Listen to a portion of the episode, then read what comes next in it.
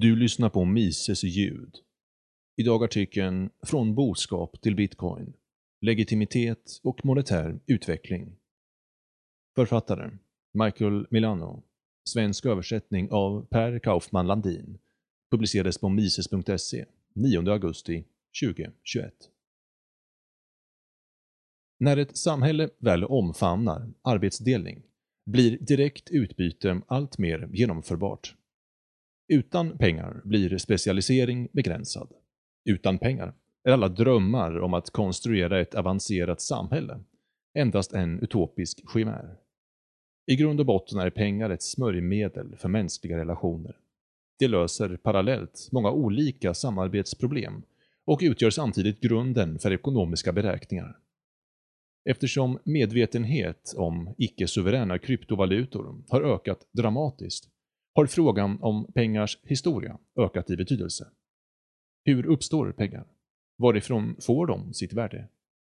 Följande avsnitt kommer att redogöra för den kumulativa utvecklingen av pengar, från boskap till bitcoin, genom att applicera legitimitetsbegreppet i Carl Mengers teoretiska ramverk, som det beskrivs i On the Origins of Money. Legitimitet Enligt Ethereums medskapare Vitalik Buterin. Legitimitet är ett mönster av högre ordningens acceptans. Utfallet av ett socialt sammanhang är legitimt om människorna i det sociala sammanhanget till stor del accepterar och spelar sin roll för att uppnå detta utfall. Och varje enskild person gör det eftersom han förväntar sig att alla andra gör detsamma. Från Butterins perspektiv fungerar legitimitet likt en dold kraft som styr samordnat beteende. Legitimitet manifesterar sig på många olika sätt. Dessa inkluderar kraft, kontinuitet, rättvisa, process, prestanda och deltagande. Utan att fungera som en inneboende komponent i blockkedjeteknik kan begreppet legitimitet tillämpas som en sammanjämkande variabel för att förklara penningutvecklingen. Från protopengar till värdebevarare.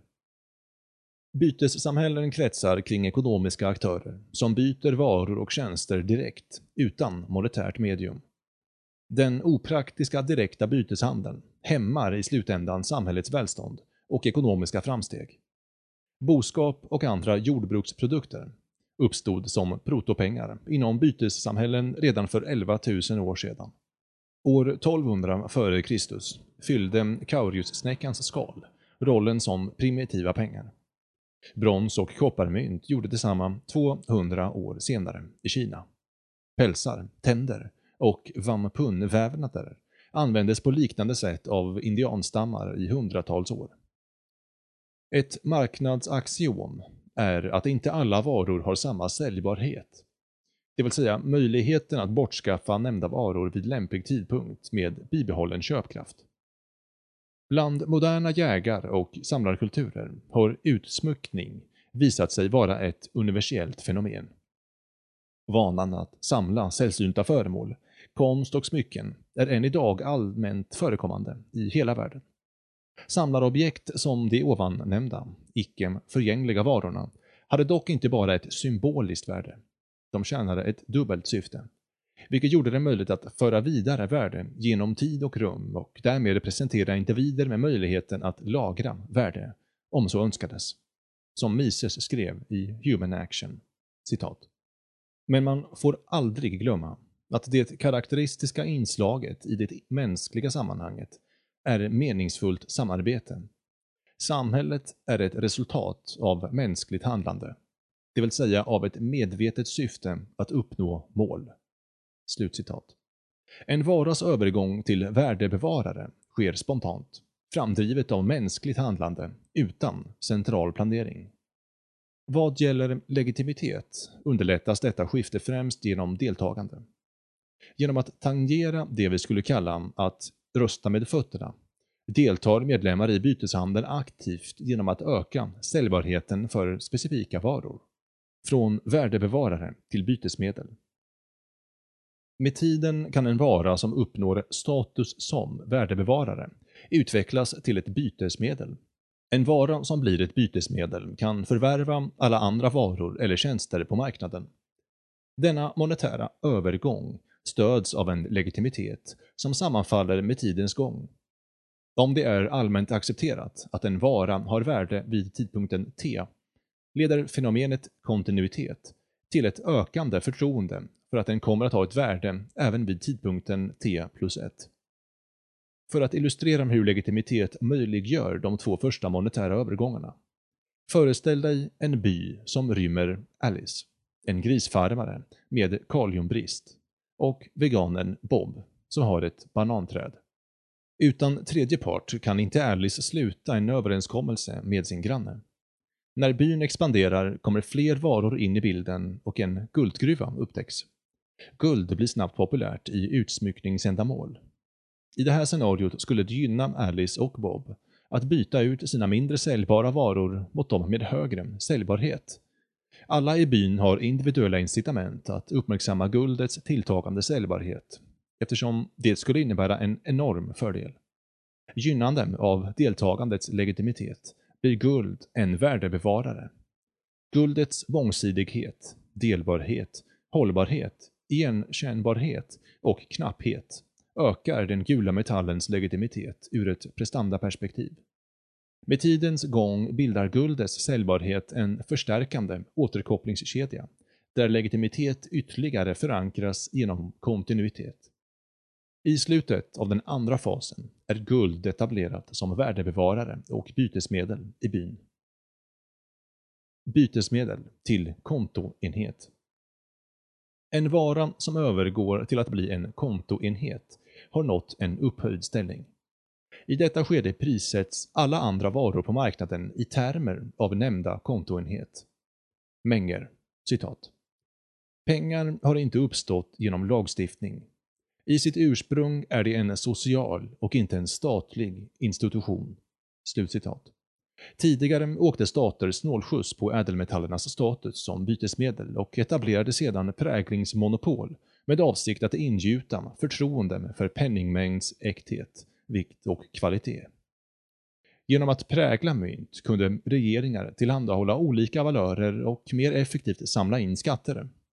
Dessvärre, enligt Rothbard, citat, erbjöd pengar, trots att det var en välsignelse för mänskligheten, också en mer subtil metod för statlig expropriering av tillgångar. Slutcitat. Statens våldsmonopol är ett ständigt närvarande hot. Kraftens legitimitet tillåter stater att ägna sig åt seigniorage. På så sätt fick den amerikanska regeringen makten att överge guldstandarden 1933. Idag kväver regeringars lagstiftning om lagliga betalmedel konkurrerande valutor.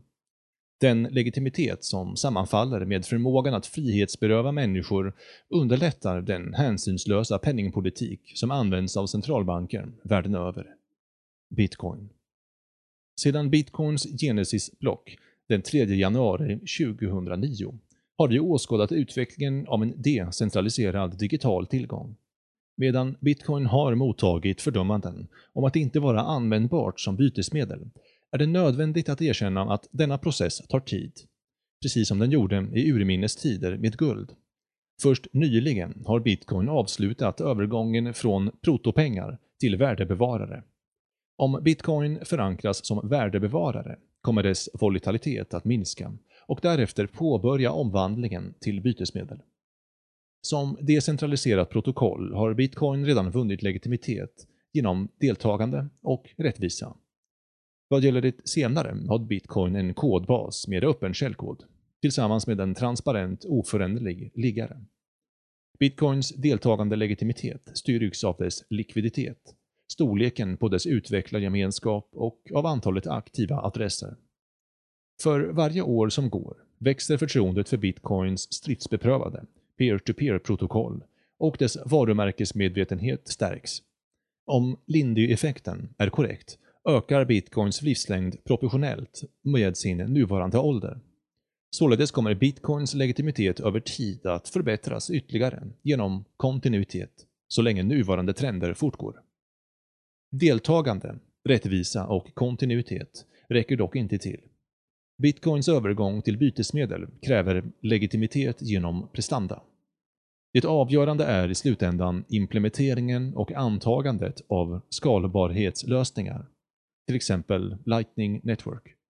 Transaktioner med lager 2-lösningar sker inte direkt på baslagret, blockchain. Om den fulländas skulle denna teknik exponentiellt öka antalet transaktioner per sekund i bitcoin-nätverket. Det slutgiltiga steget i bitcoins utveckling skulle kräva en bitcoinisering av vår värld. I denna hypotetiska framtid skulle stora delar av världens befolkning handla i bitcoin utan att oroa sig för fiatvalutornas växelkurser.